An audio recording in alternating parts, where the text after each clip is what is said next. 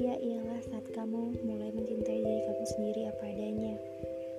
Saat orang merasa insecure melihat orang lain, di saat itulah mereka tidak bisa menghargai diri mereka sendiri. Bukan berarti aku tidak cinta dengan diri aku sendiri, tapi aku hanya ingin menjadi sesuatu yang sangat aku inginkan dalam diri ini. Mungkin tadi kan tidak ada yang mengerti apa yang aku katakan kebahagiaan itu datang saat kalian bisa menghargai diri kalian sendiri. Intinya, be yourself dan mencintai diri sendiri. Bye bye, sampai ketemu di lain waktu. Jangan lupa dengerin podcastku ya.